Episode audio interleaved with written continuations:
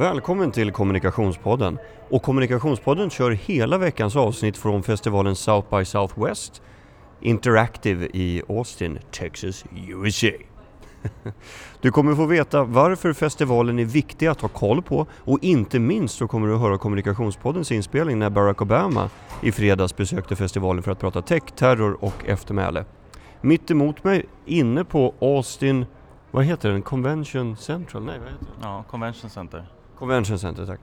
Mitt emot mig så sitter en av storstadsproducenter som är med mig på resan här, Hugo Rinéus. Hur är läget? Det är bra, jättekul att vara här.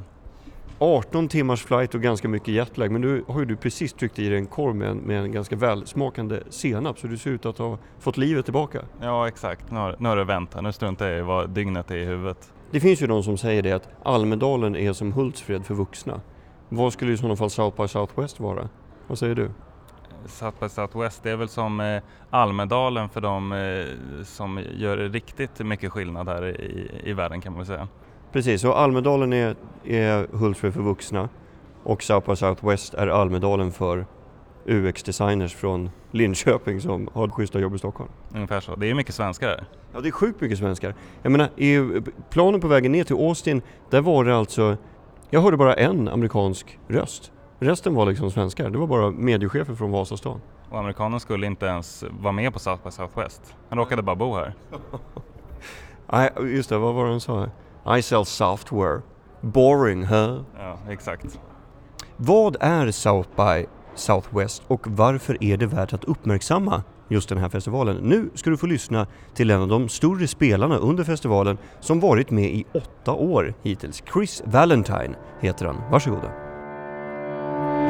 So my name is Chris Valentine. I am the uh, producer of South by Southwest Startup Village and South by Southwest Accelerator. And so I focus on all of the programming that is tied to startups within South by Southwest Interactive. Okay. T- tell me a bit more about the Startup Village. For those who have, has never experienced, well, what is it? So South by Southwest Startup Village is basically an opportunity to s- we centralized all of the startup programming into one area. So when you come to South by Southwest, you're looking at about over 30,000 plus digital influencers who are coming to the conference over the five days of interactive. And one of the things that we've seen is that if you're part of the startup ecosystem, you're interested in t- potentially more of the startup programming and not some of the other things. And so what we try to do is create an, a value proposition where you can simplify and you can kind of be more narrow focus. I'm not saying you won't see some of the other stuff, but we kind of you have now a home base to work from. So it's got everything from panels to meetups to a lounge area uh, and basically 132 sessions over five days.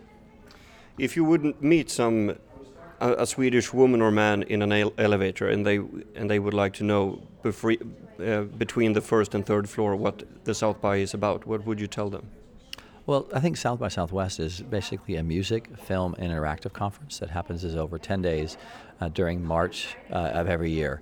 Um, bring the combination of all three of those conferences bring over 150,000 people from all over the globe. So this has become a global event, um, and it it's an opportunity to kind of basically see what I like to call when you're talking about um, all actually in some ways all three conferences the future the future of technology, the future of music, as well as the future of film. Uh, and we get, and what's really great about that is that we bring some of the highest level of influencers every year to the event. So not only do you have marquee names from all three. A few years ago, we had Bruce Springsteen as a keynote. This year, for that's for music. This year for interactive, our keynote is the President of the United States, President Obama. Uh, Quite a name. quite yeah, good, a good get. Um, but it just kind of gives you. But then at the same time, we're also showcasing early stage technology. So you're kind of working on both both ends of the spectrum. And the idea here is to kind of show early cases because that's the future. Um, what's the special about, would you say, this year's edition of the South by? Well, I think that one of the things that South by Southwest Interactive is always trying to do is to look for the future and innovations. And um, you know, this year I think there's a couple of key uh, themes that I'm seeing um, that I think are really exciting. I think we continue to expand on health and medtech. So we've got a health and medtech expo that brings together uh, health uh, professionals from all over the world uh, focused in, in technology. Uh, and so that will be going all day, all five days during Interactive. Uh, during the South by Southwest Accelerator event that I produce, we also have a health and wearable track technology as well. Um, the other big thing that I think is really kind of coming out of South by that's new this year is virtual reality.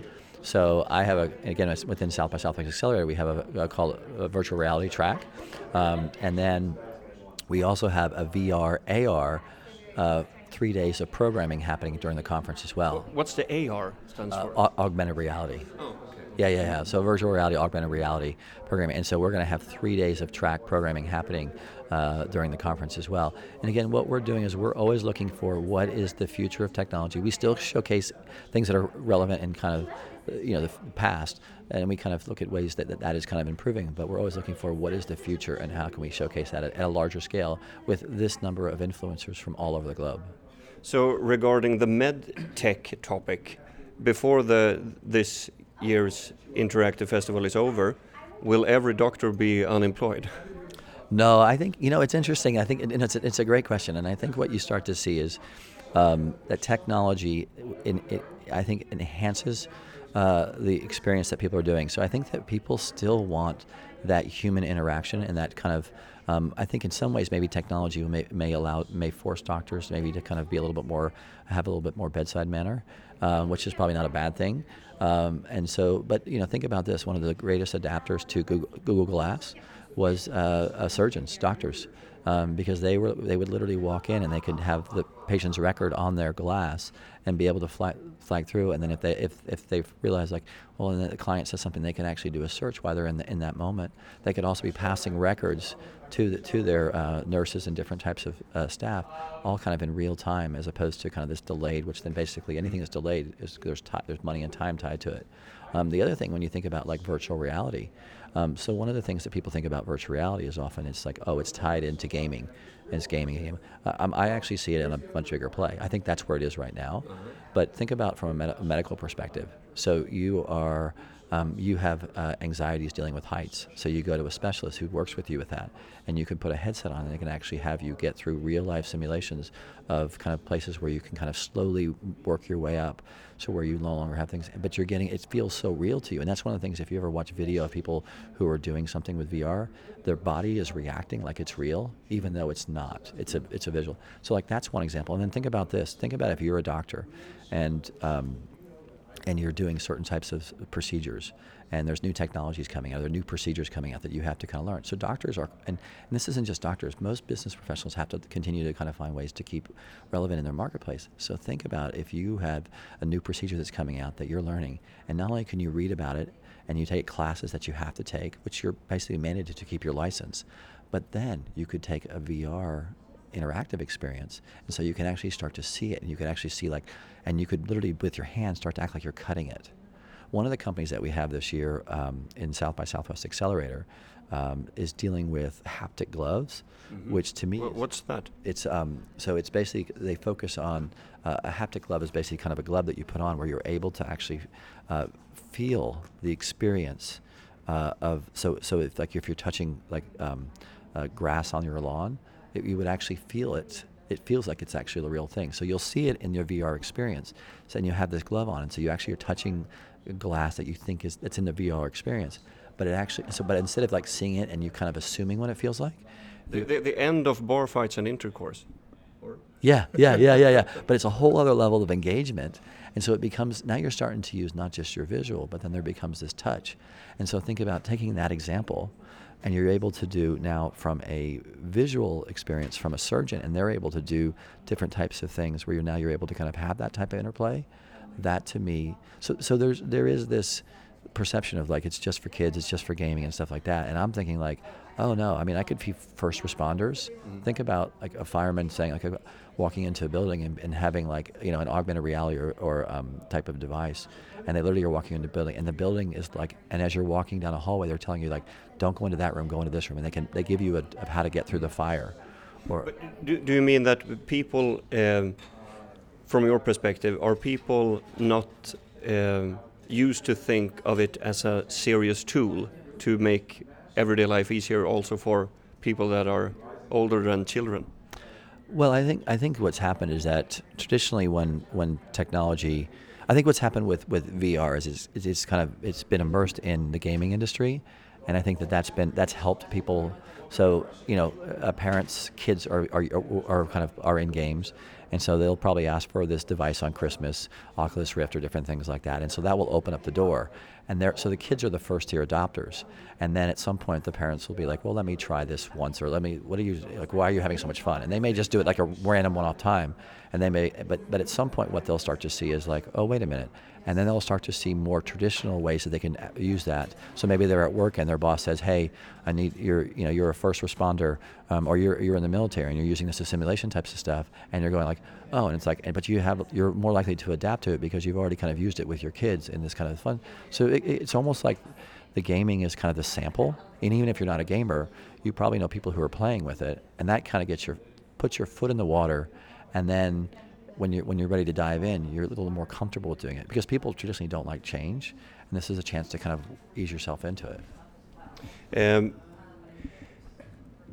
for how many years have you worked uh, with the South by Southwest? You, you, you can have a, a sip if you like. For how many years have you worked uh, with the South by Southwest? So I've, I've worked with South by Southwest for, for eight years. Um, and in all eight years, I have been focusing on the startup programming. So I, I started and have built the South by Southwest Accelerator event. And we're now in our fourth year of what the new program called Startup Village. Um, so I've kind of basically built both of these and kind of created what they are today. Compared then to 2008 and 2009, um, what kind of people and companies are visiting now? Well, I think I, well, I think the, the biggest difference between 2008 and 2009 until now is that um, it's the mobile phone. I mean, we, we now think mobile first, so that's the biggest change. And so I think that, that when people are looking at, um, and, I, and I shouldn't say that for everything. It's not a hard and fast rule. I think still people, most people work for on a desktop or a laptop, um, but when your mobile has become first. When you know Facebook said it, you know, a few years ago, when they if he, Mark Zuckerberg had built a company today, he would have done mobile first. And I think that's what people are think now. But I, I, so I think that you have this whole level of influencers coming in, which tied into more of the mobile thing. Um, but what we're also seeing is as the startup, be, or more of just like technology becomes more and more mature, what you're starting to see is like more and more corporations or large brands are starting to kind of think about like how do we kind of how do we continue to be relevant and kind of and so you're seeing more and more kind of larger brands coming. We're seeing government. Um, this year we talked about having the president of the United States, but last year we had um, uh, we had the uh, uh, prime minister of Ireland. We also had the former uh, president of Mexico. So we're now getting some of the highest level of political figures from all over the globe coming to Austin uh, to be around these digital influencers. Uh, so I think what you're starting to see is you're still seeing influencers, and I really think what you're starting to see is that with technology, as it's gotten a little more mature, you're seeing more and more. Um, you've got more people who've, who have had their three or four startups that haven't been successful, but those are lessons learned. So you're seeing more of a maturity in the marketplace, and I think that's that's better. For, that's that's best for all. Um, if we were, were to compare what people are most eager to know about, uh, to what you think people should know about before this year's edition of the South by is over? What would you say? So, you, are you referencing with regards to trends, or you just mean like things? More like topics, but uh, yeah. take it every uh, any way you like. So, so, I think, like for me, the, the thing that I think that a combination of both. I think that South by Southwest is becoming more of a global event. Um, I think that um, obviously you're from outside the United States. Um, I last year find myself traveling more and more outside the U.S. to meet companies and to talk to different types of things. Uh, and I've gone to a lot of large conferences from all over all over the world. And when I'm looking at my travel for 2016, it's the same thing. I'm seeing myself doing four huge international trips. Um, um, and, and and so what I'm seeing is that it's something that I've, I've kind of penned as the uh, as the globalization of the startup ecosystem. And so, if you think about it, we've got this whole global type of perspective. And so, people traditionally oftentimes think of just the, their own community or the communities around them, uh, that they're like, we are the only one. But what you start to see is you start to kind of look beyond your barriers, that people are starting to think larger and larger on a global level. And so, when you think about like startup ecosystems and technology, um, think about in the sense of like, people often think of, uh, at least in the States, at least in the U.S., you go. People oftentimes think about first. Um, they go first. They think of uh, um, Silicon Valley, and then you go New York and Boston in the United States, or Boston, New York, depending on who you're talking to. But the truth of the matter is that's not true. The first startup ecosystem in the world is the Silicon Valley is oftentimes the leader of the thing. Number two is Tel Aviv, and then you start to look in what depending on what sector you're in. So if you're in fintech, you probably need to be in London. If you're in fashion, should you be in New York? Should you be in Paris? Should, where should you be? If you're in entertainment, you probably should be in LA. So you start to sit there and you see these cities starting to kind of, kind of move um, uh, based on what those cities' strengths are. Uh, and kind of, so you're you're from a city. It's like, so what are those? What are the, what is the ecosystem in your city that supports that? That kind of can be showcased, have a technology spin to it, and kind of showcase to the world. So, like for in the United States, we've got a city called Detroit. It's been kind of this the transportation. Ford was there. A lot of major car manufacturers there. So they were tr- they were they're a transportation city. Um, and so you always have exceptions. Like in that city, you had like somebody who came in and built Quicken Loans and became this billionaire and started to buy up downtown. But traditionally, what you have is you have these established types of industries that they are known for, and then they're kind of putting a technology spin on them. And I think like a city brand. Oh, I think completely think it's a city brand, and I think that cities have to think like this. If they don't think like this, they're going to lose their relevancy. And so you can quickly sit there and say like, oh, you know, we haven't adapted to technology. We haven't kind of immersed ourselves in it. And I'm not saying that that's the only thing. I think that's I live in a sector that just focuses on technology, and so you know, it's it's important to me. But I also have to be understanding that there's different verticals that people um, are focusing on and working on that are important to cities. You know, sometimes you're in a farming community. Well, farming communities still need to have technology. How do you er, be smart with the water irrigation? How do you feed your animals? How do you protect your animals? You know, transportation. You've got all these massive vehicles. Is there a way that you can kind of better understand ways to, you know, understand when repairs are going to happen? You know, and find ways to be more efficient with. If your margins are tight, how do you kind of do that? So you've got all these different types of things there. Chris Valentine, event producer uh, for the Accelerator Startup Village at the South by Southwest. Uh, thank you very much for joining the communication podcast. Yeah, thank you so much. I truly appreciate it, and I appreciate you guys coming all the way to Austin. I know it's not an easy trip. Uh, I, my, 18 hours. Well, my, so my wife is now lives in the states, but she's from London, so we get to go. We get to go to London uh, at a minimum once a year, and so I'm familiar with long trips uh, across the globe, and so I, I have a certain level of empathy uh, for that. But uh, I will tell you, one of the beautiful things about travel is you get to see a completely different world. So, you know, you leave your home, you come over here, and now you have the best barbecue and tacos. Uh, it's just really good for your diet. But then there's also these other people from all over the world. So I, I appreciate you coming here and enjoying the conference. Yeah, thank you very much. Thank you so much. Seriously, I meant that. Där hörde du Chris Valentine som alltså jobbar för South by Southwest. Hugo, du sprang ju på en PR-person som verkar ha ganska starka kopplingar till South by Southwest. Mm, Joy Schoffler heter hon.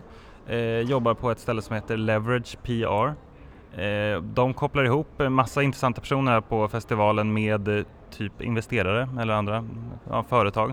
Eh, och under det som kallas för Job Market är de lite extra aktiva här så att jag frågade helt enkelt vad letar de efter för typ av person under festivalen? Ja, för det ska vi säga att i den här enorma byggnaden som är nästan lika stor som Globen skulle man nästan kunna säga, Austin eh, Convention Center, så finns det en, en ganska stor mässhall som de kallar för Job Market. Så det, det är den mässhallen som din intervjuperson frekventerar mycket? Mm. Hon säger att hon är, de är väldigt aktiva just där under, under South by Southwest. Så jag frågar vad de letar efter. So we hire um, quite a bit, especially consultants around South by Southwest, to help with uh, everything from on-the-ground marketing efforts for part for clients who are throwing parties to um, providing extra support, maybe um, models to pass out T-shirts for clients or different stuff. So there's definitely some hiring that goes on around South by for sure. So what kind of persons are you are you looking for? So we typically look for um, it depends on the task. So if we're going to hand out um, uh, swag on behalf of clients just to kind of increase their overall um, brand out in the community with their prospective South by attendees, we're looking for more like um, very outgoing, very fun, um, young, vibrant uh, people who can who can really engage with with whoever on the street and confidently um, market on behalf of our clients.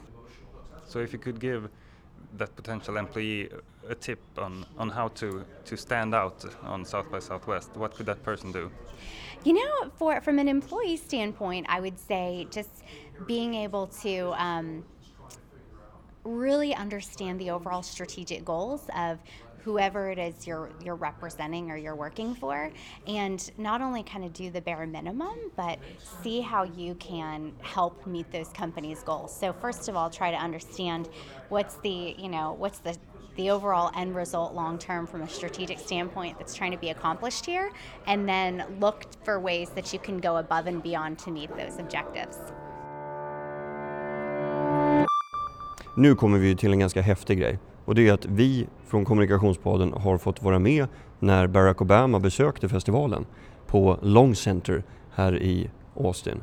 Och vi fick vara med och, och spela in en del utav, eller hela intervjun. Det var ganska coolt. Vad, vad var känslan? Vad säger du Hugo?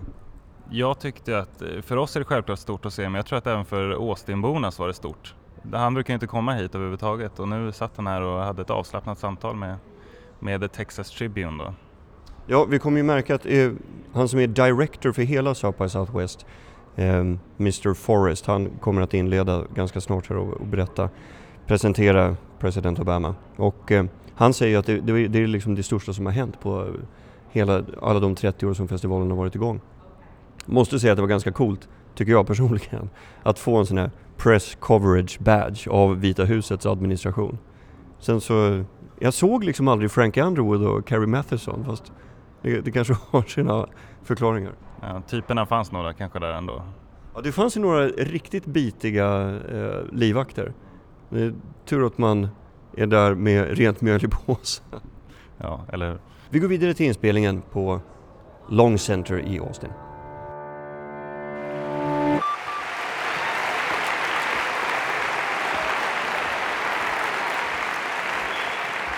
Now, please join me in welcoming the 44th President of the United States of America, Barack Obama, to South by Southwest 2016. Ja, alltså nu applåderar de ju ganska länge här så vi hinner faktiskt säga att den som intervjuar Barack Obama är Evan Smith som är VD för dagstidningen The Texas Tribune. Och hela samtalet med Obama rör samverkan mellan techindustri, näringsliv och den amerikanska regeringen. Men de hann också prata om Snowden, Apple, FBI, integritet på nätet och mobilt och vad Obama kommer göra sen. För om tio månader så lämnar han Vita huset för gott. Hi, Mr. President. It's good to see you, and hello, Austin.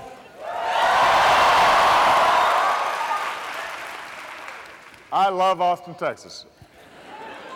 I thank you. It's just good to be back. Nice to have you here. Welcome. Welcome to Austin. Welcome to South by Southwest. Let's Thank make a little news. You stopped at Torchy's on the way in from the airport. I did. You did. did. Would you please share would you please share with the world what you told me backstage, your order, perfectly in keeping with your political views? I ordered a Democrat, but then I ordered a Republican and an independent because uh, I wanted to give all people a, a proper hearing. That's right. I wanted to be fair. Bipartisan in tacos as in That's life. exactly right. That's how it goes. Mr. President, the theory of bringing tech more closely aligned with government and solving problems is great, but the reality is that the culture of the tech sector and the culture of government could not be more different. Government is big and bloated and slow and risk averse, and it's run on outmoded systems and outmoded equipment. Uh, tech is sleek and streamlined and fail fast and enamored of the new and the shiny. How do you take these two things that seem culturally to be so unalike and put them together in a way where they can and want to work together? You know,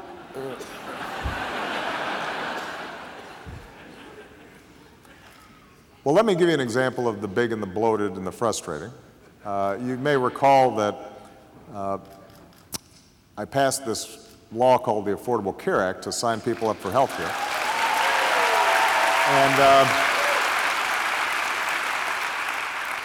and then the website didn't work. I heard that. Heard, heard that, yeah. And this was a little embarrassing for me because, you know, I was the cool early adapter president. Right. And Not- not exactly my- an advertisement My entire campaign had been premised on having really cool technology. Yeah.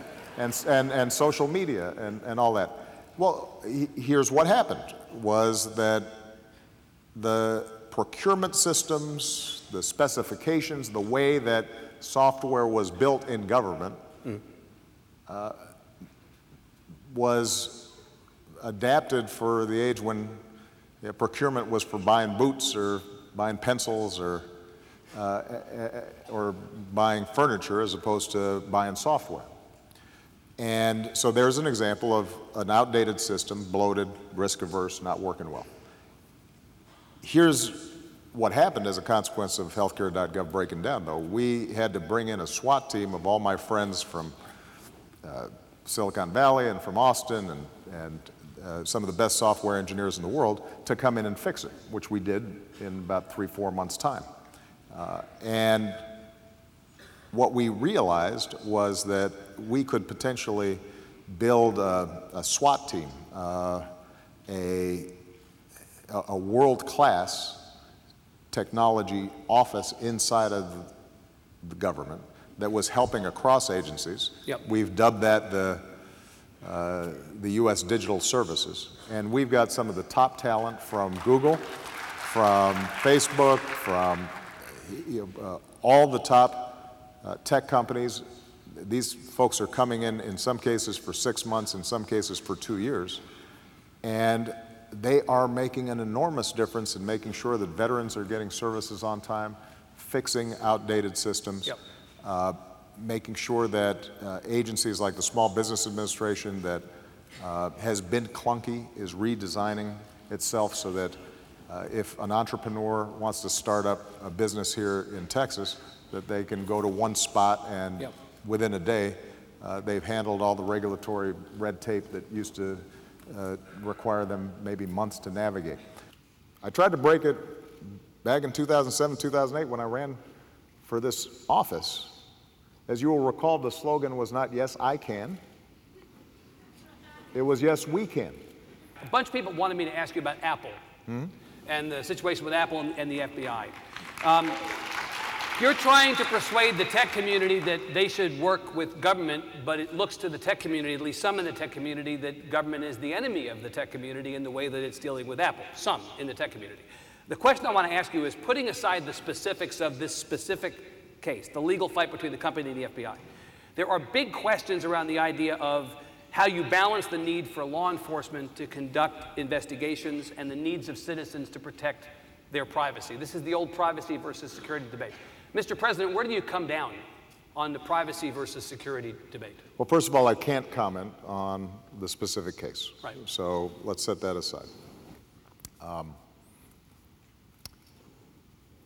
all of us value our privacy, and this is a society that is built on a constitution and a bill of rights and a, um, a healthy skepticism about overreaching government power. Uh, before smartphones were invented, uh, and to this day, if there is probable cause to think that you have abducted a child or that you are engaging in a terrorist plot or you are guilty of some serious crime, uh, law enforcement can appear before your at your doorstep and say, uh, I, we have a warrant to search your home, and they can go into your bedroom and into your bedroom doors and rifle through your uh, underwear uh, to see if there's any evidence of wrongdoing. And we agree on that because we recognize that just like all of our other rights, freedom of speech, freedom of religion, et cetera, that there are going to be some constraints that we impose in order to make sure that we are safe, secure, and uh, living in a civilized society. Now, technology is evolving so rapidly that new questions are being asked. And I am of the view that there are very real reasons why we want to make sure that government cannot just willy nilly get into everybody's iPhones that is full of, or smartphones that are full of uh, very personal information and very personal data. And let's face it, uh, the, the, the whole Snowden disclosure episode elevated people's suspicions of this.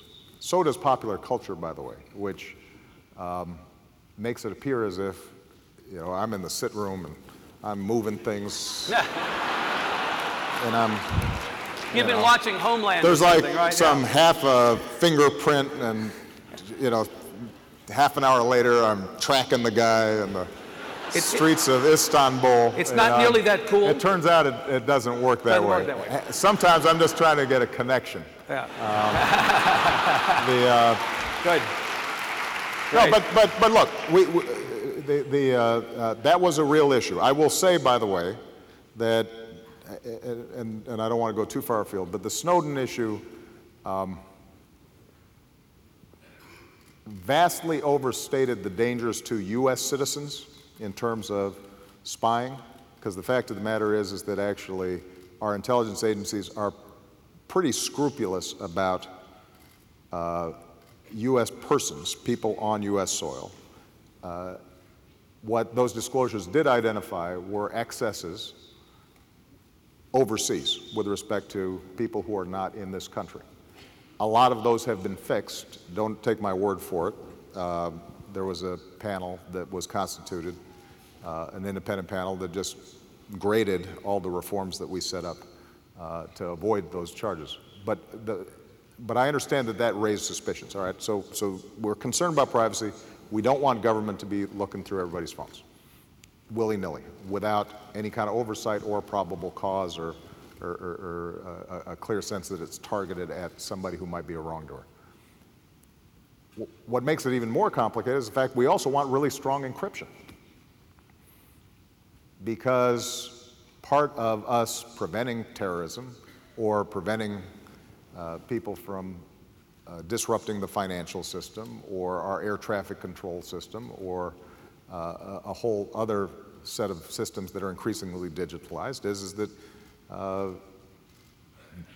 hackers, s- state or non-state, can't just get in there and, and mess them up. So we've got two values, both of which are important. Right. Right? And the, the question we now have to ask is if technologically it is possible to make an impenetrable device or system where the encryption is so strong that there's no key, there's no door at all, then how do we apprehend the child pornographer? How do we solve uh, a or disrupt a terrorist plot? What mechanisms do we have available to even do simple things like tax enforcement? Because if in fact you can't crack that at all, government can't get in, then everybody's walking around with a Swiss bank account in their pocket. All right? So, so there has to be some concession to the need to be able to get into that information somehow. Now, what folks who are on the encryption side will argue is any key whatsoever, even if it starts off as just being directed at one device, could end up being used on every device. That's just the nature of these systems. Um, that is a technical question. I am not a software engineer. It is, I think, technically true, but I think it can be overstated. And so the question now becomes we as a society, set, setting aside the specific case uh, between the FBI and Apple, setting aside uh, the commercial interests, the uh, concerns about what could the Chinese government do with this, if, even if we trust the US government, setting aside all those questions, we're going to have to make some decisions about how do we balance these respective risks. Um, and I've, I've got a bunch of smart people sitting Yep. there talking about it, thinking about it. We have engaged the tech community aggressively to help solve this problem. What I, my conclusion so far is, is that you cannot take an absolutist view on this. So if, if your argument is strong encryption no matter what, and we can and should in fact create black boxes, then I, that I think does not strike the kind of balance that we have lived with for 200, 300 years, and it's fetishizing uh, our phones uh, above every other value, and that can't be uh, that can't be the right answer. I, I suspect that the answer is going to come down to how do we create a system where the encryption is as strong as possible, the key is as secure as possible, it is accessible by the smallest number of people possible for a subset of issues that Yep. we agree are important. How we design that is not something that I have uh, the expertise uh, to do, but, but I caution, you know, I, I am way on the civil liberties side of this thing. I, I, um, you know, Bill McRaven will, will tell you that I, I anguish a lot over the decisions we make in terms of how to keep this country safe, and I am not interested in overthrowing the values that uh, have made us an exceptional and great nation uh, simply for expediency. But the dangers are real. Maintaining law and order and a civilized society is important. Protecting our kids is important. And so I would just caution against taking an absolutist perspective on this. Because we make compromises all the time. We, you know, I haven't flown commercial in a while. Um, but my understanding is it's not great fun going through, uh, going through uh, security. No, but we great. make the concession because it's a very intru- it's a big intrusion on our privacy, but we, we recognize it as important. We have stops for drunk drivers. It's a, it's, it's a, it's a, an intrusion, but we think it's the right thing to do. And, and this notion that somehow our data, you know, is different and can be walled off from those other trade-offs we make, uh, I believe is incorrect we do have to make sure, given the power of the internet and how much our lives are digitalized, that it is narrow and it is constrained and that there's oversight. Uh, and and I, I'm confident this is uh, something that we can solve, but we're going to need the tech community, software designers, people who care deeply about this stuff to help us solve it. Because what will happen is if, if, if, if if everybody goes to their respective corners and, and the tech community says, you know what, we, we, either we have strong, perfect encryption, or else it's Big Brother and an Orwellian world, uh, what you'll find is that after you know, uh, something really bad happens, the politics of this will swing and it will become sloppy and rushed, and it will go through Congress in ways that have not been thought through. And then you really will have a danger to, to, to our civil liberties because we will have not done, the, the, the people who understand this best and who care most about privacy and civil liberties have, have sort of uh, disengaged uh, or have taken a position that is not sustainable uh, uh, for the general public as a whole over time. Um, you know, in 10 months, I will not have this office. It has been the great privilege of my life, but it's not like I stop caring about the things that I care about right now. And it's not like I'm going to stop uh, being involved in promoting uh, the best, uh, most prosperous, most peaceful, most tolerant, most uh, you know, ecologically responsible America uh, that I can. I'll be sitting in an audience with you. And I expect you to step up and get involved uh, because the country needs you. And uh, if the, the brain power and talent that's on display here today and throughout uh, this conference uh, takes up that baton, uh, then I'm going to be really confident about the future of this country.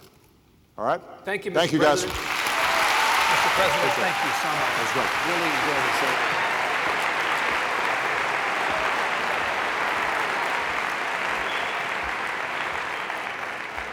Och så där lät det. Ganska, ganska matig första dygn på South by Southwest, eller hur Hugo? Ja, verkligen. Men det är framförallt höjdpunkten då, Obama skulle jag säga. Det, det är ganska coolt. Det är ju som liksom vuxnas variant utav tomten. Han finns faktiskt på riktigt. Ja, det är svårt att tro till och med när man sitter och tittar på honom för att ja, man har känt igen honom så länge. En, en, annan sak som gjorde det svårare för oss att tro på att de faktiskt satt där, det var ju för att vi blev placerade framför en sån här enorm TV-skärm på 50 tum så man fick liksom böja sig lite grann ner för att kunna, kunna se det på riktigt. Men det var faktiskt Ja, det var en riktig höjdpunkt. Det var coolt att se. Även nästa veckas avsnitt kommer att ge dig som lyssnar glimtar ur South by Southwest. Exakt vad vet vi inte ännu. Man blir ju lite kräsen när man har fått lyssna på presidenten redan efter första dagen. Men eh, det kommer bli väldigt spännande, det kan vi garantera. Är det någonting specifikt som du är nyfiken på Hugo? Det kommer bli väldigt mycket spännande tror jag, föreläsningar om vad mediebranschen är på väg. Eh, att podcast kommer ta över vanlig radio, att eh, Snapchat och Periscope är liksom appar som kommer ta över all annan strömmad TV. Så det blir kul. Och sen tänker jag också på det här som Chris Valentine säger att om barnen är early adopters utav eh, VR och AR så är steget inte lika långt för också de vuxna att snart ta över och, och möjliggöra för en, en helt, på, på sina håll i alla fall, en helt ny värld att eh, öppna upp sig. Det är spännande. Vi hörs nästa vecka. Ha det fint! Det här är Max Landegård och Hugo Renéus från Austin, Texas.